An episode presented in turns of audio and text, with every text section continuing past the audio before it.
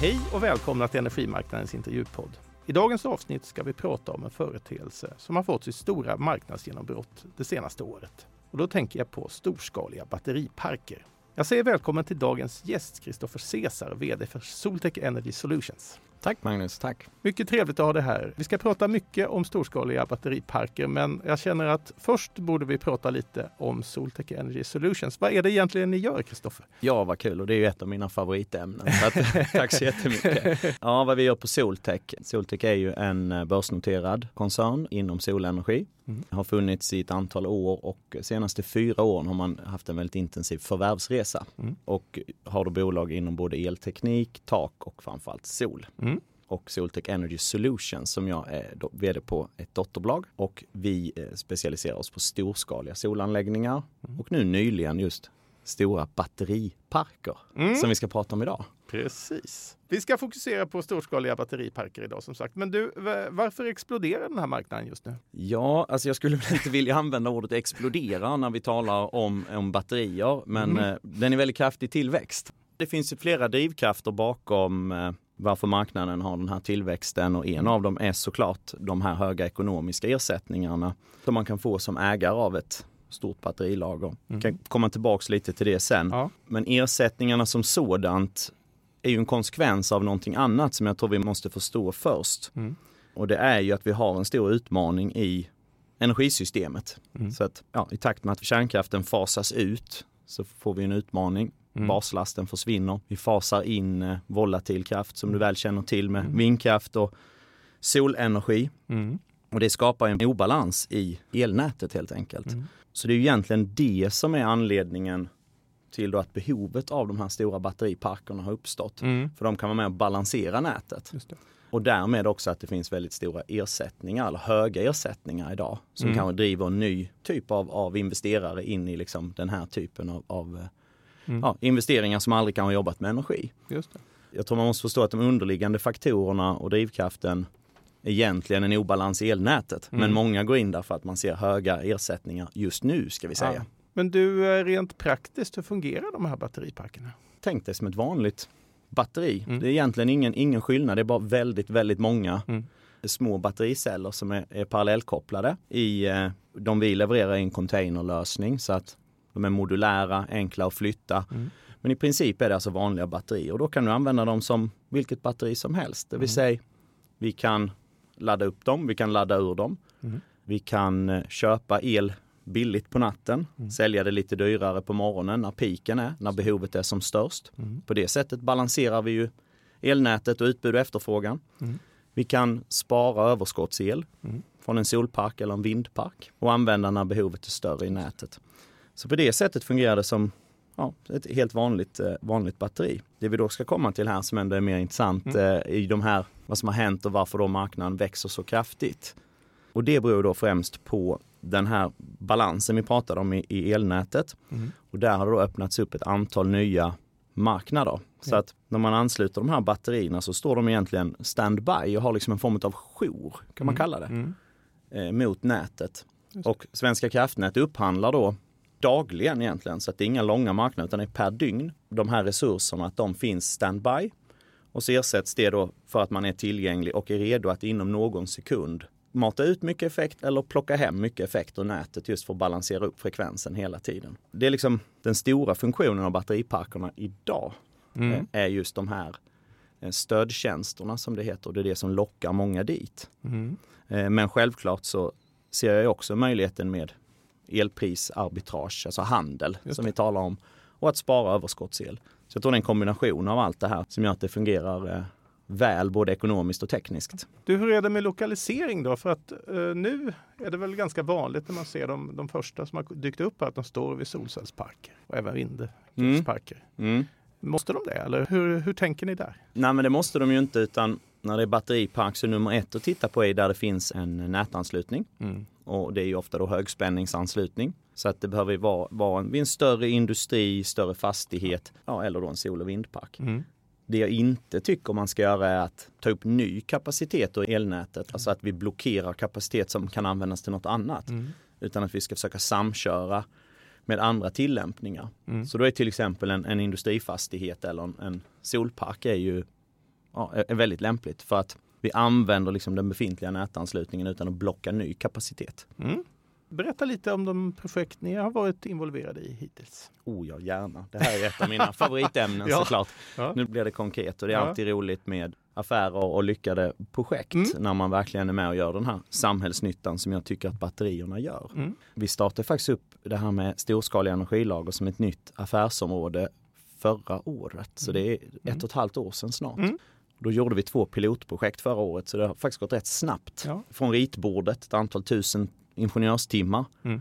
till att sen bygga de här anläggningarna och driftsätta dem och kvalificera dem mot Svenska kraftnät. Mm. Allt det gjorde vi under förra året på två pilotprojekt. Mm. Eh, det första, väldigt kul, det är en, en fin kund, Alight, mm. Eh, som är en, en, stor investerare och mm. Tekniska verken. Så det driftsatte vi. Så har ni åkt på E4 söderut så finns det en fin solpark mm. i Linköping, söder om Tekniska verken. Där står nu två väldigt vackra vita containrar. Mm.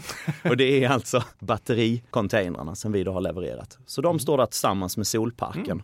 och använder då samma nätanslutning och levererar de här tjänsterna. Så mm. det är jättespännande. Nej, men det jag också ser nu så att som sagt det var första året, då gjorde vi två sådana här. Vi byggde också ett eget, så Soltech äger ett eget batteri som vi använder och testar och också såklart drar vinning av de här tjänsterna. Mm. Det ställer vi istället i Malmö, ja. också strategiskt.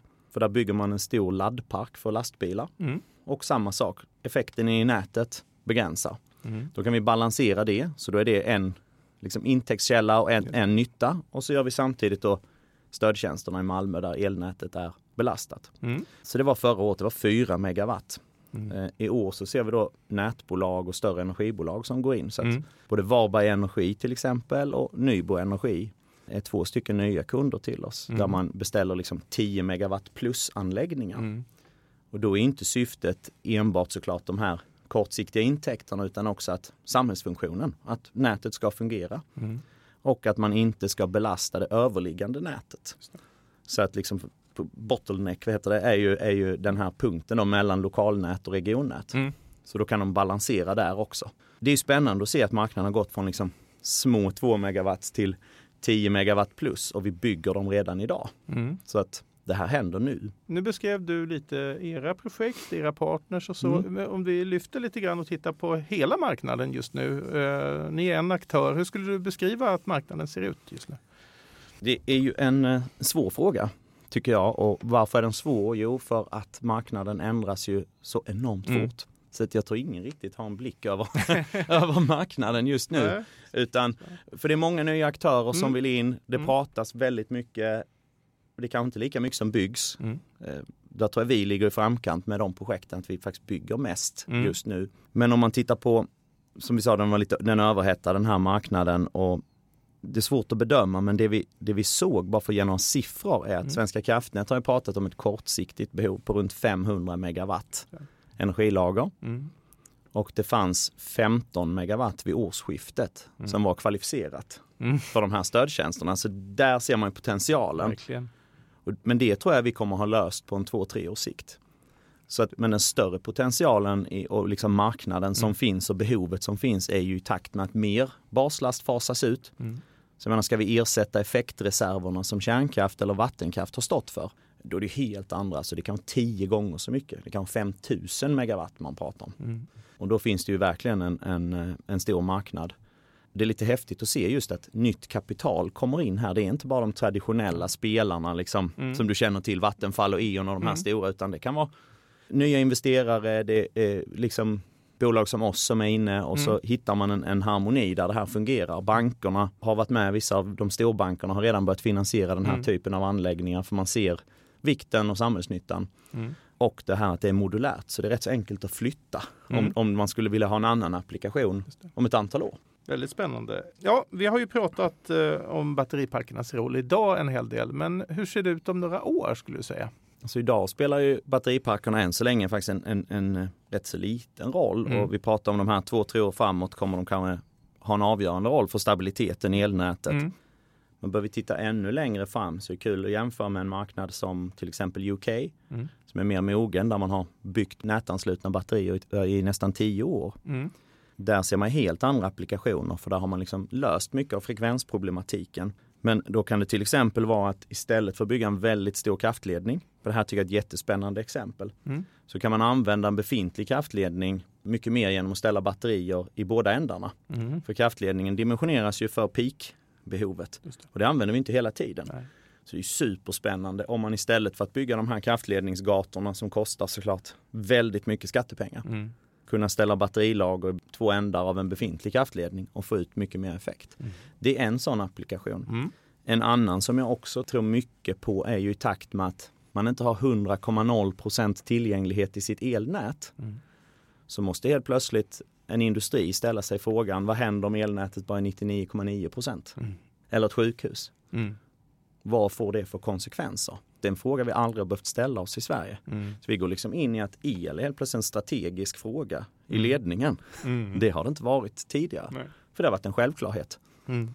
Och då börjar vi se applikationer som avbrottsfri kraft, alltså stora UPS. Mm. Där vi kan använda samma batteri, vi kan få intäkter från stödtjänster, vi kan minska effekttoppar i vår industri, men kanske absolut viktigast, vi kan ha den här backup-funktionen.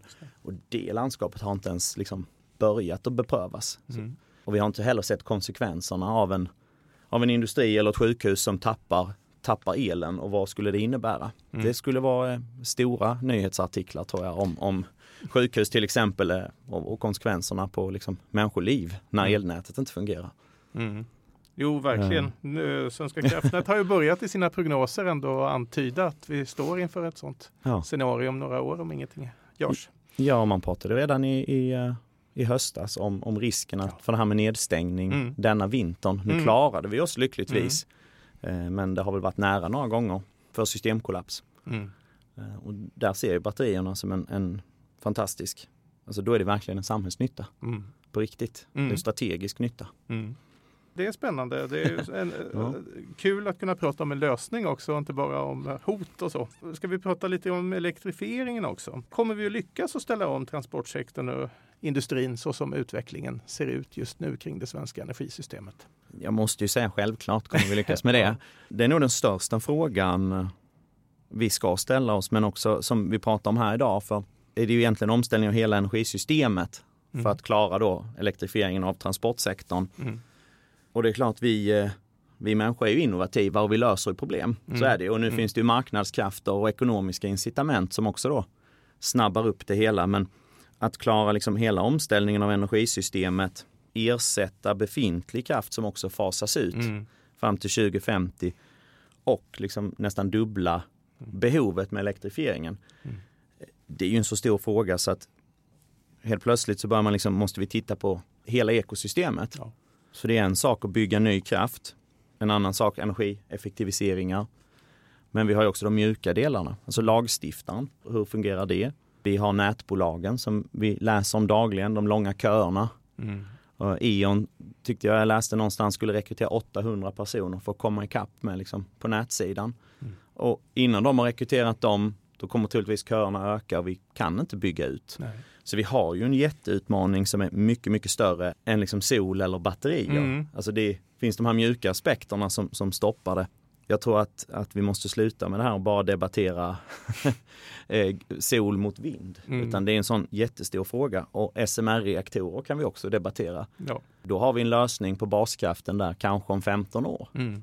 Så vad ska vi göra 15 år nu? Vi hinner bygga både solparker och batteriparker mm. i, i, mängder på den tiden. Mm. För de grejerna kan vi bygga på ett, två år. Mm. Så länge lagstiftaren och liksom nätbolagen är med. Så där tror jag man måste göra stöten mm och komma ikapp. Och då tror jag vi kommer lyckas med omställningen. Mm. För vi är ju som sagt innovativa kreativa människor. Mm. Och vår överlevnad handlar ju faktiskt också om att ha el. Ja, det, det brukar sätta fart på kreativiteten. ja, men det gör ju det. Ja. Du, vi brukar avsluta med att man får uh, berätta vilka man tycker är, är, de viktigaste energifrågorna just nu. Nu har vi pratat om något som kanske är den viktigaste ja. energifrågan, men du får ändå fundera lite kring vad andra viktiga energifrågor då? Vad är viktigast just nu som du ser Ja, men vi kan väl sammanfatta lite av de här grejerna vi mm. har pratat om. Så jag tycker ändå att den här stabiliteten i elnätet är mm liksom, nummer ett. Vi har ett fungerande elsystem i grunden. Mm. Det måste ju vara det och därmed på liksom, kort sikt som jag sa, att inte debattera om kraftslag 1 eller 2. Det tror jag är den viktigaste frågan om vi ska ta med oss om vi ses i Almedalen. Tänk om vi skulle kunna få ut budskapet att inte ställa dem mot varandra mm. utan se helheten för vi kommer behöva allt. Ja. Och sen lägga på de här delarna om lagstiftning, regleringar, incitament. Bankväsendet, är de redo mm. att ta sitt ansvar med att finansiera det här? Mm. Liksom att rita upp den kartan är den stora energifrågan. Mm. Och den löser vi ju inte här. Det hade varit skönt om det hade mm. haft, funnits en enkel lösning. Ja. Men jag tror lösningen är att förstå att det finns inte en lösning Nej, och det är väldigt komplext. Mm. Det är väl det jag tycker i grunden liksom är, är det viktiga. Mm. Ska man ta med två sådana här budskap som jag gärna vill liksom mm. pusha på så är det ju just nätägarna och liksom hur kan till och med lagstiftaren eller liksom beslutsfattare gå in och stötta i den processen mm. att inte det är den stora flaskhalsen och begränsaren för utbyggnad av både sol och vind och mm. batterier. Och den andra aspekten är tillståndsaspekten. Så då är vi inne på mycket mjukare delar. Mm. För finans och teknik tror jag finns mm. för att göra detta. Mm. Men då har vi tillståndsaspekten. Där jag, om man får ge någon en liten känga, det får mm. vara en mjuk känga, va? men ja. så är det väl Energimyndigheten här där jag tycker att mm.